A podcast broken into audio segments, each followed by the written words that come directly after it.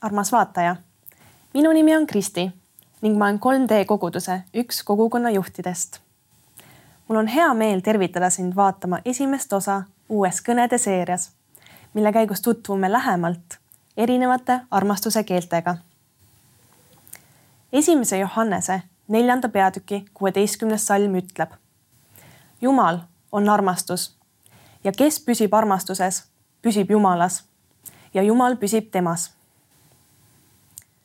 Kui piiblis on öeldud, et Jumal on armastus, siis miks mõned inimesed tunnevad Jumala armastust väga sügavalt, teised aga tunnevad end Jumalast kaugel või ei usu üldse tema olemasolusse? Ameerikast pärit autor ja nõustaja doktor Gary Chapman on oma mitmekümneaastase nõustamise karjääri käigus jõudnud veendumusele, et inimesed räägivad viit armastuse keelt. Nendeks on tunnustussõnad, kvaliteetaeg, kingitused, teenimisteod ja puudutus. täpsemalt saab nende kohta lugeda raamatust Viis armastuse keelt. samuti on doktor Chapman kirjutanud teose Jumal kõneleb sinu armastuse keelt, mis oli ka inspiratsiooniks käesolevale kõnede seeriale. Doktor Chapmani hinnangul on igal inimesel üks peamine armastuse keel ning selleks, et inimene tunneks end armastatuna, tuleb rääkida temaga tema peamises armastuse keeles. näiteks kui naise peamine armastuse keel on teenimisteod, kuid mees üritab talle armastust väljendada ainult tunnustussõnades, siis võib juhtuda, et naine ei tunne end tõeliselt armastatuna, sest tema arvates väljendavad tõelist armastust teenimisteod. sobivas armastuse keeles rääkimine on oluline lisaks paarisuhetele ka kõigis teistes suhetes. seetõttu usun, et sellel on ka oluline roll suhtes Jumalaga. esimene Moosese üks kakskümmend seitse ütleb.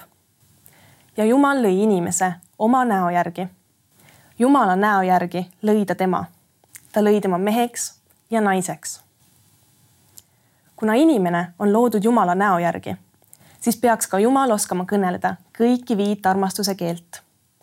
selle tõestuseks võime vaadata Jeesuse elu ja käitumist, sest Hebra kirja põhiselt on ta Jumala olemuse kuju. võime piiblit lugedes näha, et Jeesuse elus olid kõik armastuse keeled esindatud. täna on mul privileeg jagada teile sellisest armastuse keelest, nagu on teenimisteod ehk armastusteod. Igapäevaelus saame armastust teiste vastu välja näidata väiksemates või suuremates teenimistegudes. näiteks võime teha oma armsamale kohvi, aidata sõbral kolida, pesta lisaks enda nõudele ka teiste pereliikmete nõud või hoopis aidata mõnel vanemal inimesel poekotti tassida võimalusi teiste teenimiseks on lõputult. olen üsna kindel, et mu isa üheks peamiseks armastuse keeleks on teenimisteod. mäletan selgelt, kui siiras tänu ta avaldas, kui olin läinud talle appi tänavakivisid puhastama. nägin tema silmist, kuivõrd armastatuna ta ennast tundis ning ta rääkis sellest veel mitu päeva hiljem ükskõik kui palju kingitusi või julgustavaid sõnu ma olin talle varem jaganud siis sellist emotsiooni ei olnud ta näidanud. tol hetkel taipasin, kui olulised on mu isa jaoks teenimisteod ning selle mõistmine on aidanud mul paremini oma armastust väljendada talle. piiblis näeme erinevaid teenimistegusid, mille kaudu Jumal väljendab armastust oma laste vastu. vanas testamendis võime lugeda Iisraeli rahvast kelle Jumal tõi välja orjusest Egiptuses ning juhatas nad tõotatud maale. teel sinna pidid nad läbima kõrbe, kus Jumal toitis Iisraeli rahvast vuttide ja mannaga ning andis neile kaljust vett juua.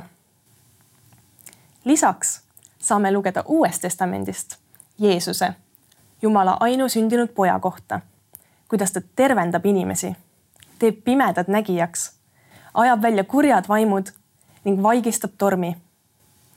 kõik need teod räägivad Jumala armastusest. me elame ühiskonnas, kus teiste teenimine seostub pigem madala staatusega, tihti mõeldakse automaatselt, et tööalaselt tegelevad sellega justkui need inimesed, kes mitte midagi muud teha ei oska. kuid Jumala kuningriigis on asjad vastupidi. meie looja silmis on suured need, kes teenivad teisi. Markuse kümnenda peatüki salmides nelikümmend kaks kuni nelikümmend viis on kirjas. Ja Jeesus kutsus nad ehk jüngrid enese juurde ja ütles neile. Te teate, et need, keda peetakse rahvaste valitsejateks, peremehetsevad nende üle ja nende suured meelevallatsevad nende kallal. nõnda ärgu olgu teie seas, vaid kes iganes teie seas tahab saada suureks, olgu teie teenija.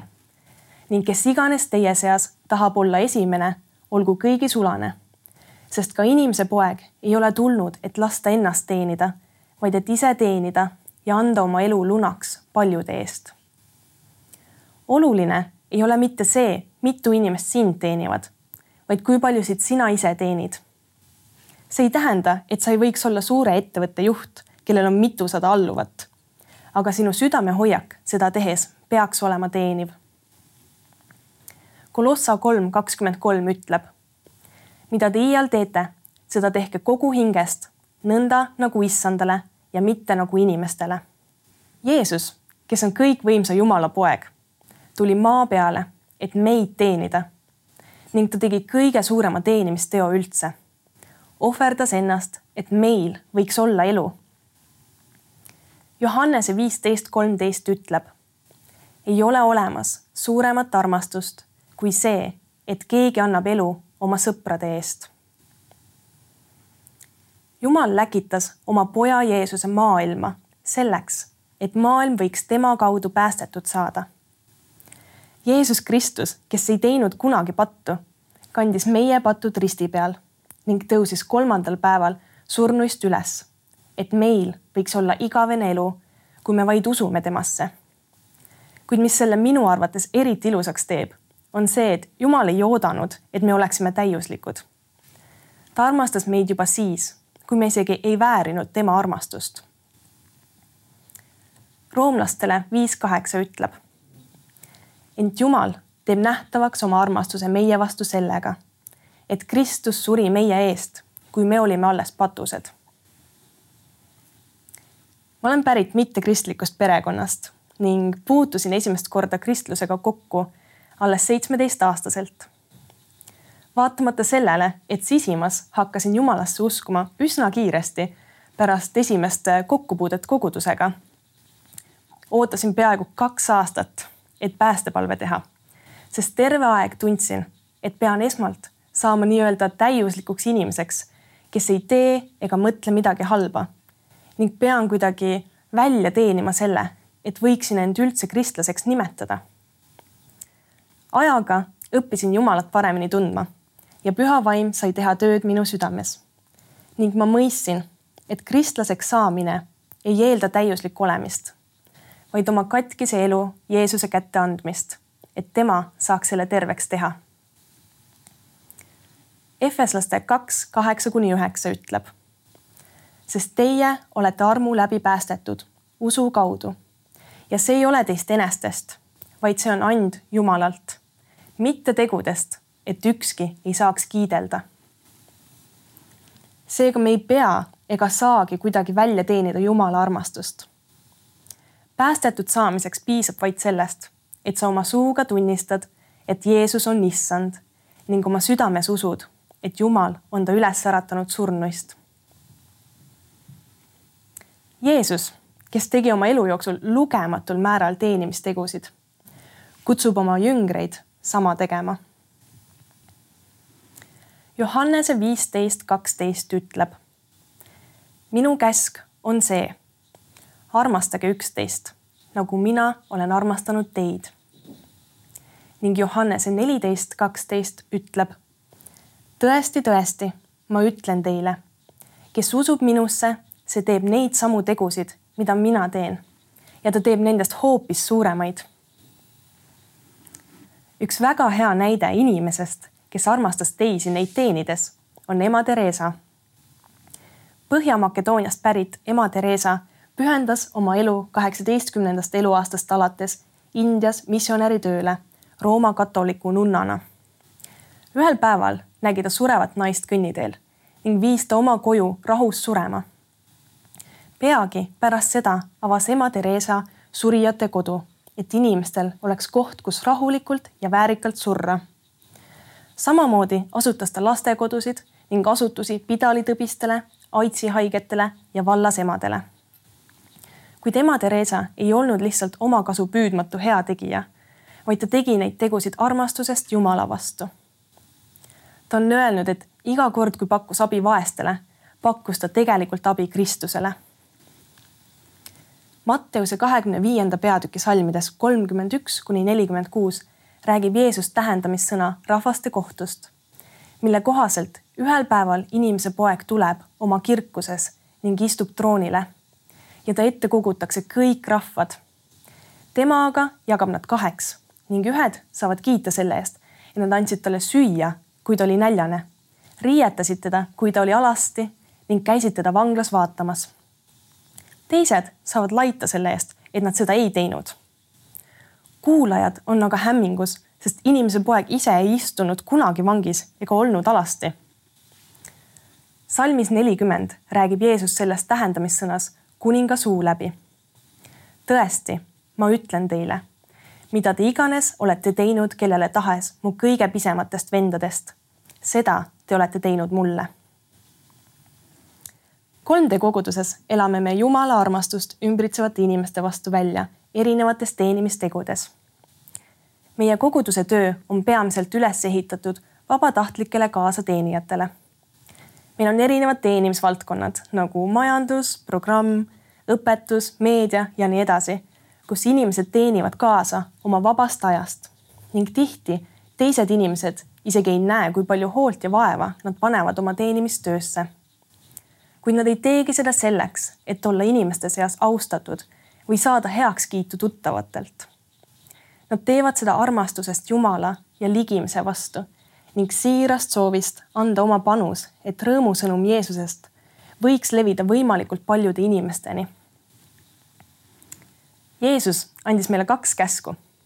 armastada issandat, oma Jumalat kogu oma südame, hinge, mõistuse ja jõuga ning armastada oma ligimest nagu iseennast. seepärast püüamegi oma tegudega välja näidata inimestele, et me päriselt armastame neid lisaks sellele oleme näinud läbi aastate oma koguduse inimesi pakkumas öömaja vajajatele, viimas õhtusööki värsketele lapsevanematele, kogumas finantse hädasolijate toetamiseks, jagamas toidupakke kodututele ning koroonakriisist tuleneva eriolukorra ajal tuldi 3D koguduse häkatonil välja ideega pakkuda veebipõhist kristlikku hingeabi, millest sündis sinuabi.ee võiks arvata, et koguduses käivad lihtsalt lahked ja abivalmid inimesed. kuid mina usun, et kõikide nende teenimistegude taga on tegelikult Jumal. sain isiklikult kogeda Jumala armastust läbi teenimistegude kahe tuhande kahekümnenda aasta suvel, kui olin Võimaluste festivalil. olin oma elu ühes valdkonnas jõudnud samasugusesse etappi, nagu olin olnud täpselt aasta varem mõlemal korral ootas mind ees muutus, mille osas mul endal ei olnud suurt kontrolli ning pidin lihtsalt Jumalat usaldama. kuid eelmisel korral tõi see muutus minu jaoks kaasa ühed kõige keerulisemad ning emotsionaalselt proovile panevamad kuud, mis mu elus siiani olid olnud. tundsin alateadlikku hirmu, et ka seekord lähevad asjad samamoodi. kuid selle asemel, et tuua oma hirmud Jumala ette ning olla temaga aus selle osas, kuidas ma end tunnen, üritasin ma põgeneda oma hirmu eest, tehes nägu, et seda ei eksisteeri. võimaluste festivali kolmandal päeval, ülistusõhtu ajal, jalutasin korraks rahvamassist eemale ning tagasi liikudes tuli mulle vastu mu armas sõbranna Lisette. kuna me ei olnud terve festivali jooksul jõudnud omavahel eriti suhelda, siis me kallistasime ning hetk hiljem hakkas Lisette mu eest palvetama. mõistsin tema sõnu kuuldes, et see peab olema Jumal, kes räägib minuga Lisette kaudu, sest ma ei olnud jaganud Lisetele oma hirmudest. ta rääkis täpselt nendest emotsioonidest, mida ma olin enda sees peitnud ning kinnitas, et ma ei pea muretsema, sest Jumal on minuga. pärast seda me mõlemad nutsime ja kallistasime edasi ning kui olime end veidi kogunud, sai Lisette mulle seletada, et ta sai Jumalalt pildi ning tundis, et peab seda minuga jagama. Olen väga tänulik, et ta oli avatud Jumala kõnetusele ning lasi end pühal vaimul juhtida. sest tema teenimisteo kaudu võisin ma tunda end Jumalale veel lähemal ning mõistsin taaskord, et Jumal reaalselt hoolib igast väikesest detailist meie elus. ma tahan julgustada sind, kui sul veel ei ole isiklikku suhet Jeesusega siis otsi teda kogu oma südame ja hingega. Sest Jumal on lubanud, et kui sa seda teed, siis sa leiad ta. soovitan sul ka vaadata järgnevaid osasid käesolevast seeriast, et mõista paremini, milline on sinu peamine armastuse keel ning kuidas just sina võiksid kogeda Jumala armastust oma elus. kui sul aga on juba isiklik suhe Jeesusega siis julgustan sind märkama inimesi enda ümber ning teenima neid siira südamega. Justkui teeniksid sa Jeesust ennast. Galaatia kuuenda peatüki salmides üheksa kuni kümme on kirjas. ärgem tüdigem head tehes. küll me omal ajal ka lõikame, kui me enne ära ei nõrke. niisiis, kuni meil on veel aega, tehkem head kõikidele, eriti aga usukaaslastele